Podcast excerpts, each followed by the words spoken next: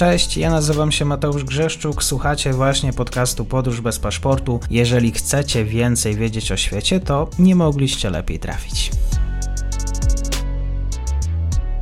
Partnerem odcinka jest Oanda, TMS Brokers, dom maklerski obecny na rynku już od ponad 20 lat. W opisie odcinka znajdziecie link do aplikacji, której możecie otworzyć konto maklerskie i grać na giełdzie, a wcześniej potrenować na koncie demonstracyjnym. Jeżeli otworzycie konto za pośrednictwem tego linku, dostaniecie na start książkę o tematyce inwestycyjnej. Zapraszam, Mateusz. Dzień dobry Państwu, dzień dobry wszystkim słuchaczom. Bardzo się cieszę, że już po dłuższej przerwie na kanale gości dr Aleksander Olech będziemy rozmawiać o sytuacji w Afryce. Kłaniam się, dzień dobry. Dzień dobry, kłaniam się nisko. Niger, państwo położone w sercu Afryki, w centrum Afryki niemalże ważny kraj, e, który jest też e, no, niedawno jeszcze oazą stabilności. Zmieniło się to w trakcie ostatnich e, tygodni. O Nigrze rozmawiamy na podróży, ale może jeszcze słowem. Ma to ogromny wpływ również na sąsiadów. Duże państwa graniczą z Nigrem, traktując sytuację może od południa, Burkina Faso, Ghana, Benin. Tutaj jakieś stanowisko władz wobec tego, co się dzieje właśnie w tym kraju? No, problematyczne jest to, że w momencie przyjęcia stanowiska przez kraj Afryki względem kraju Afryki musimy patrzeć na to, jak na to spoglądają sojusznicy z Zachodu. To oznacza, że Ghana, no, która się szczyciła przez lata tą demokracją, ale teraz znowu właśnie po zamachu w Nigrze pojawiają się powody, dlatego że to w Ganie może dojść do kolejnego zamachu stanu i też Gana wielokrotnie informowała o tych zagrożeniach właśnie ze strony Wagnerowców, y, czy też zagrożeń terrorystycznych w krajach okalających, w których właśnie doszło do zamachu stanu, czyli y, czy w Nigrze, czy w Burkina Faso. Y, no, one poszukują jakiejś szansy rozwiązania problemów przez kraje afrykańskie, czyli afrykańskie problemy rozwiązywane przez kraje afrykańskie, no ale tego się nie da zrobić jeśli nie ma tego wsparcia zewnętrznego w postaci finansowania. To znaczy, że Ghana w tym momencie balansuje i nie jest przekonana co do tego, że ta interwencja względem Nigru powinna zostać podjęta. Benin natomiast, który jest w projekcie mm, generalnie energetycznym we współpracy z Nigerią i z Nigrem, no tutaj opowiedział się początkowo za tym, że jednak ta interwencja przez ECOWAS powinna zostać przeprowadzona. To znaczy, że patrzymy w tym momencie przez takie mm, trzy różne perspektywy Mamy kraje afrykańskie, które między sobą mają relacje. Drugą perspektywą jest kwestia szeroko rozumianego Zachodu, w tym momencie największego zaangażowania Republiki Francuskiej. No i trzecia perspektywa to jest Federacja Rosyjska. Na ten moment jest ta idea, żeby operacja wojskowa została przeprowadzona. Ona musi być przeprowadzona, jeśli chodzi o największe zaangażowanie z terytorium Nigerii. Niemniej właśnie Benin to byłoby to państwo, przez które byłoby też prowadzenie e, działań wojskowych, tak samo jak też Benin może ucinać tą pomoc e, humanitarną, e, transport, też kwestie logistyki, też kwestie wsparcia finansowo-energetycznego, jeśli mielibyśmy utrzymywać jakikolwiek dostęp do tutaj zatoki przez Benin. Więc opierając się na Twoim pytaniu, tak, Niger miał być tą ostoją demokratyczną. Kraje, które współpracują z Nigrem najbardziej, czyli Benin, i Nigeria obawiają się tego, że to może wszystko upaść, a Ghana, która ma być też tym centrum współpracy demokracji, też ma demokratycznie wybrane rządy, no, decydując się na to, żeby przeprowadzić taki zamach, taki, taką operację specjalną, jednocześnie ma świadomość, że u niej również po takiego zamachu stanu y, może dojść, no bo ona odczuwa te wszystkie wpływy, czy Wagnerowców, czy y, presję z Zachodu, czy właśnie to, co się mm, dzieje w Nigrze, no to byłoby chyba najczarniejszy scenariusz, jeśli w Ganie doszłoby do zamachu stanu. Następnie problem wybrzeżu Kości Słoniowej i w tym momencie Republika Francuska już nie ma e, z kim współpracować e, w regionie. Mhm. Nigeria ma swoje problemy gospodarcze i kwestia ubóstwa, również e, ropa naftowa, ale wydaje mi się, że też Nigeria liczy na rozwiązanie tego konfliktu drogą dyplomacji. Czy, czy rzeczywiście delegacja nigeryjska tutaj ma jakąś moc działania w tym przypadku tego konfliktu? Ja powtórzę to, co mówiłem na początku konfliktu i będę się tego trzymał. Decyzje i też oświadczenia, czy polityków, czy ekspertów, czy też całościowo Zachodu, one będą ewoluowały, jednak wszystkie kraje będą trzymały się jednej tej samej tendencji. ECOWAS nie przeprowadza operacji wojskowych, też specjalnych przeciwko zamachom stanu w krajach, które dysponują jakimś potencjałem militarnym, a w tym przypadku jest nie tylko Niger, ale byłoby trzymali Burkina Faso i Gwinea. Takie działania mogą podejmować delikatnie, na przykład w Gwinei Bissau, co niedawno realizowali, albo w Gambii. W tym momencie mamy pewne stwierdzenia o możliwej reakcji militarnej ECOWAS-u, ale tak naprawdę każdy ostatnią rzeczą, którą sobie życzę, jeśli chodzi o ECOWAS, jest to wejście militarne. I nawet jeśli tą rozmowę odbywamy dzisiaj, to tak samo będzie to aktualne za 2-3 tygodnie. ECOWAS samodzielnie nie podejmie operacji militarnej, dlatego że każdy dzień przedłużający się działa na ich niekorzyść. Ponadto w tym momencie ryzykują życie prezydenta Bazuma, a jednocześnie generał Abdurrahmetiani umacnia się na tej swojej pozycji więc Nigeria może stosować swój szantaż energią elektryczną, może też zablokować kwestię dostaw produktów, no ale w tym momencie na przykład wchodzi Burkina Faso, które może transportować zboża, inne surowce, więc kolejne kraje jak Algieria, czy właśnie Mali, czy Senegal muszą się włączać w blokowanie dostaw, żeby kolejne kraje tego nie dostały, więc tworzą nam się dwa duże bloki państw, czyli mamy ECOWAS, po drugiej stronie te kraje, w których e, doszło do e, puczy więc unikałbym stwierdzeń, że ECOWAS przeprowadzi operację militarną bez wsparcia Zachodu, a w tym momencie szeroko rozumiany Zachód na czele z Republiką Francuską, no byłby od razu sygnowany jako znowu ten kolonializm, neokolonializm, czyli wchodzenie i zmienianie tej władzy, która została przejęta. Nie mówmy demokratycznie wybrana, ale przejęta. Stąd też dzisiaj pojawiają się doniesienia kolejne, że jednak Amerykanie wolą negocjować z puczystami w Nigrze. Dlatego też Nigeria i inne kraje będą uciekały od tego. Doszło do zamachu stanu w Mali, odczekano, zawieszono. Doszło do zamachu stanu w Burkina Faso, odczekano, zawieszono. Doszło do zamachu stanu w Gwinei, odczekano, zawieszono. Myślę, że ponownie może to wyglądać z Nigrem. Sytuacja również y, inaczej dotyczy samego Bliskiego Wschodu. Region Bliskiego Wschodni jest y, zaangażowany. Zjednoczone Emiraty Arabskie miały wysłać y, już swoje maszyny do Czadu.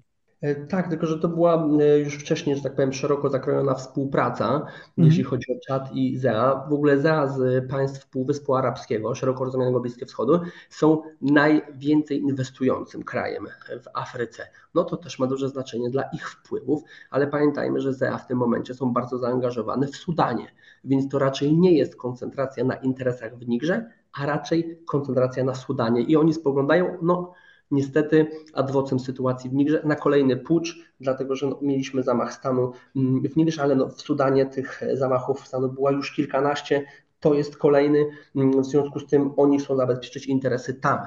Ale sądzę, że skoro w Sudanie mogliśmy spojrzeć na pewne zabezpieczanie interesów przez Arabię Saudyjską i ZEA, to także kolejną stroną negocjującą mogły być kraje bliskowschodni, ale nie wierzę w to, że on się pojawi, dlatego że zbyt duże jest tutaj zaangażowanie Rosji, Francji i Stanów Zjednoczonych. Jedynie z perspektywy logistycznej Turcja, która ma najszerzej, najlepiej rozwinięte te mm, tutaj e, możliwości nawigowania po całej Afryce, e, mogłaby się włączyć, no ale to też automatycznie byłoby ze stratą dla niej ponieważ no, każdy kraj wchodzący do Nigru, co zresztą zrobiła Francja i Amerykanie, no, musi zainwestować, musi jakoś podjąć współpracę z puczystami.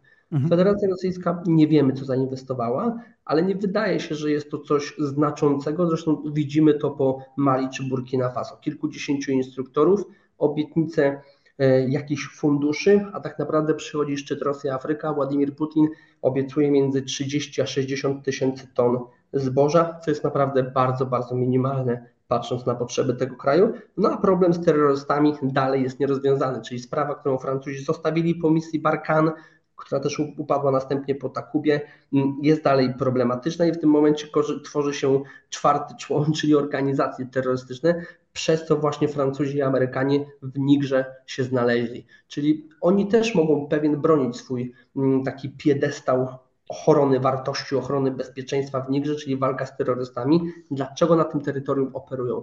Z drugiej strony Francuzom zostało tylko niespełna dwa tygodnie do 3 września na to, żeby opuścić terytorium. Stany Zjednoczone póki co nie, miały, nie mają wypowiedzianej umowy, więc może skończyć się tak, że Stany Zjednoczone pozostają na terytorium Nigru, władze utrzymują puczyści, a Republika Francuska musi się wycofać, no, co może się wiązać z pewną no, ich tutaj odwetem w kontekście no, próby jak najbardziej zaszkodzenia e, Nigrowi. No, na początek sankcyjnie gospodarczo przy wsparciu Unii Europejskiej, a później, jeśli doszłoby do jakichkolwiek ataków, mogliby próbować odpowiadać, ale no, Francuzi dobrze wiedzą, że jakakolwiek militarna odpowiedź czy też interwencja może się wiązać z tym, że włączą się wszystkie strony, gdzie są płucze, czyli Burkina Faso, Mali i Gwinea. Więc ja dalej będę utrzymywał się przy zdaniu, że ECOWAS nie reaguje militarnie, może rozstawić jedynie wojska przy granicach. Będzie proponowana stabilizacyjna misja Unii Europejskiej, a Stany Zjednoczone będą głównym negocjatorem tego konfliktu, czy też tej relacji między dwoma, trzema stronami. Mhm, tu wspomniałeś jeszcze o Turcji. E, Turcja jest ważnym graczem, e, jeżeli chodzi o Liban. E, Libię, przepraszam, Libię, to krótka granica, ale czy to właściwie w jakiś sposób też działa na destabilizowane, destabilizowane państwo, bo Libia w kryzysie non-stop. No, Turcja zaangażowała się w konflikt wewnętrzny w Libii po stronie rządu zgody narodowej. No i kwestia jest taka, że te, ta rola Turcji znowu jest wpływająca i ona jest, e, e, że tak powiem, e, elementem, który znowu zaburza nam funkcjonowanie szeroko rozumianego Magrebu i Sahelu, ale w tym momencie dla Turcji nie byłoby żadnej korzyści, ażeby tutaj angażować się. Negatywem dla Libii mogą być oczywiście te kwestie migrantów, ale też kwestia przekazywania, sprzedaży, transportowania broni, bo ta nielegalna broń, która już wiemy, że została dostarczona między innymi z Libii do Sudanu, również może trafić poprzez wsparcie Wagnerowców właśnie do e, Nigru, czy to na rzecz obrony mm, puczystów, czy też na rzecz walki przeciwko nimi. Wybuchnie kolejny konflikt wewnętrzny, a także być może przejęta przez e, terrorystów. Więc mamy w tym momencie Turcja, która może wspierać Libię, mamy Algierię, której stanowisko jest póki co wycofane no ale Algieria też nie chce mm, włączać się w ten konflikt, bo to byłoby kolejne zaangażowanie z jej strony. No i automatycznie nam się pojawia Maroko, które musiałoby albo prawdopodobnie by zajęło stanowisko przeciwne niż y, Algieria. Najważniejsze dla Francji i dla Stanów Zjednoczonych jest to, żeby jak najmniej stron zaangażowało się w ten konflikt, dlatego że kolejna strona to są kolejne regionalne konflikty, czyli przeciwko Turcji, nagle pojawiłyby się jakieś regionalne państwa, które chcą z nią rywalizować, czy to Emiraty, czy Jordania, czy Arabia Saudyjska. W związku z tym, jak się pojawiają Francuzi, automatycznie pojawiają się Wagnerowcy. Są Stany Zjednoczone, znowu pojawia się to, że walka z terroryzmem i tam jest ich baza, więc im mniej państw, im mniej członków, tym, tym lepiej. Stąd też ECOWAS nie ogłosił kooperacji z Francją w ramach operacji specjalnej, tak samo jak Amerykanie chcą wspierać, ale też negocjują oddzielnie z huntą w Nigrze, gdyż ta negocjacja oddzielnie nie narzuca nam kolejnych 7, 8, 10 państw, które muszą się włączyć w negocjacje. Na co czekamy dzisiaj właściwie? Dzisiaj czekamy na to, żeby pojawiła się jakaś misja, prawdopodobnie stabilizacyjna, która pozwoli e, na wyprowadzenie prezydenta Bazuma w stanie poprawnym, zdrowotnym. E, też oczekujemy na pewne porozumienia które pozwolą w Nigrze no, przywrócić choć trochę warunki mniejsze niż to ubóstwo, które teraz jest i będzie się powiększało, ponieważ wszystkie pomoce finansowe zostały odcięte od Nigru, to są wielomiliardowe kwoty. Mm, jest też problem z energią elektryczną, jest problem z dostawami humanitarnymi, jest problem z terrorystami. W związku z tym y, ta tendencja, czy też idea na przeczekanie, aż Niger będzie kompletnie zniszczony, no, ma swoją pewną ideę w kontekście no, upadku państwa. Tylko czy o upadek tutaj chodzi, bo jest to naprawdę duże państwo, które miało być też częścią mm, e, tutaj sieci przesyłowych, miał iść rurociąg przez Niger, miała to być też taka ostoja demokracja, przede wszystkim takiego bezpieczeństwa w walce z terroryzmem, no bo jednak ktoś tą broń będzie kupował, czyli pojawią się też klienci dla Federacji Rosyjskiej czy dla innych państw, które sprzedają broń. Ona będzie kupowana do Sahelu, będzie dostarczana. Będą kolejne interesy biznesy w krajach okalających, atakowane, niszczone. Stąd też będzie ryzyko, że jak sytuacja będzie słaba w tej Ganie na początku, o której mówiliśmy, czy w Beninie, tam też będzie ryzyko zamachu stanu. Więc naj, najprościej, jeśli chodzi o brak rozlewu krwi, byłoby mieć misję stabilizacyjną, która pozwoli na tranzycję rządu, czyli ani Bazum, ani Tiani nie są tymi, którzy rządzą państwem i stopniowo przy, przywracamy tą pewną formę funkcjonowania państwa. Jeśli jednak nie, no to trzeba odciąć Niger od wszelkiej pomocy i będzie po prostu blok państw, który rywalizuje ze sobą i szkodzi sobie nawzajem. Nie ukrywam, że nie wydaje się, żeby Francja zdecydowała się na to wyjście, no byłoby to już kolejne państwo, z którego musi odejść, z którym musi, że tak powiem, wypracować sobie warunki e, inne niż te, które zakładała, a to będzie ponownie to, co było po Mali i Burkina Faso, czyli wzmacnia swoją obecność w WKS-ie, w Senegalu, w Gabonie, plus oczywiście do tego możemy sobie dołożyć choćby Ganę, Benin, Sierra Leone i Togo. I nie zapominajmy też o czwartym graczu, bardzo kluczowym, czyli ani razu nie powiedzieliśmy o Chinach, które są największym tutaj inwestorem w Nigrze zaraz po Francji. Chiny w żaden sposób się nie odnoszą do tej sytuacji. Chiny są też największym inwestorem w Nigerii, też nie odnoszą się do tej sytuacji, a to też ekonomicznie może mieć wpływ na sytuację w przyszłości. W związku z tym misja stabilizacyjna to jest to, co ja widzę na teraz i stopniowe szukanie rozwiązania, ponieważ taki konflikt, który wybuchnie przy wsparciu Francji, automatycznie sprawi, że każde kolejne państwo, które ma jakiekolwiek związki z Francją, będzie obarczone ryzykiem zamachu stanu. Czyli związki z Francją równają się z tym, że może to oznaczać jako postrzeganie do zapalnika. Taki zapalnik, który właśnie grupa Wagnera, czy jakakolwiek inna grupa generałów puczystów może chcieć wykorzystać. Ale pamiętajmy też o tym, że ten generał Tiani, on też podnosi kwestie, no, które warto wspomnieć, bo to tak na koniec powiem, że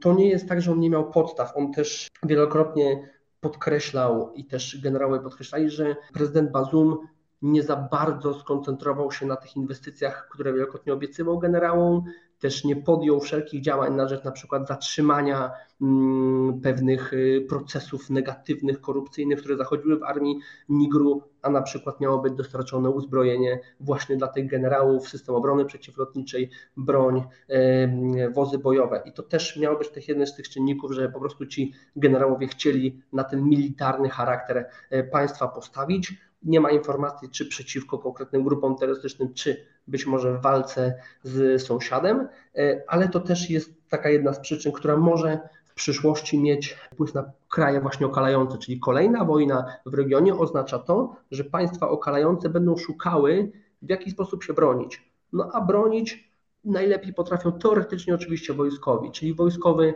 dokonuje puczu i staje na czele rządu, na czele państwa, no, żeby bronić państwa przed potencjalnym najeźdźcą. Bardzo dziękuję za dzisiejszy komentarz. E, doktor Aleksander Olech. E, jesteśmy w kontakcie, obserwujemy Afrykę. Do usłyszenia. Dziękuję bardzo, kłaniam się nisko. Dziękuję Mateuszu. I to już koniec na dzisiaj. Zapraszam na profil podcastu Podróż bez paszportu na Facebooku, Instagramie i Twitterze. Zachęcam też do wsparcia mojej pracy na serwisie Patronite oraz Buy Coffee. Do usłyszenia.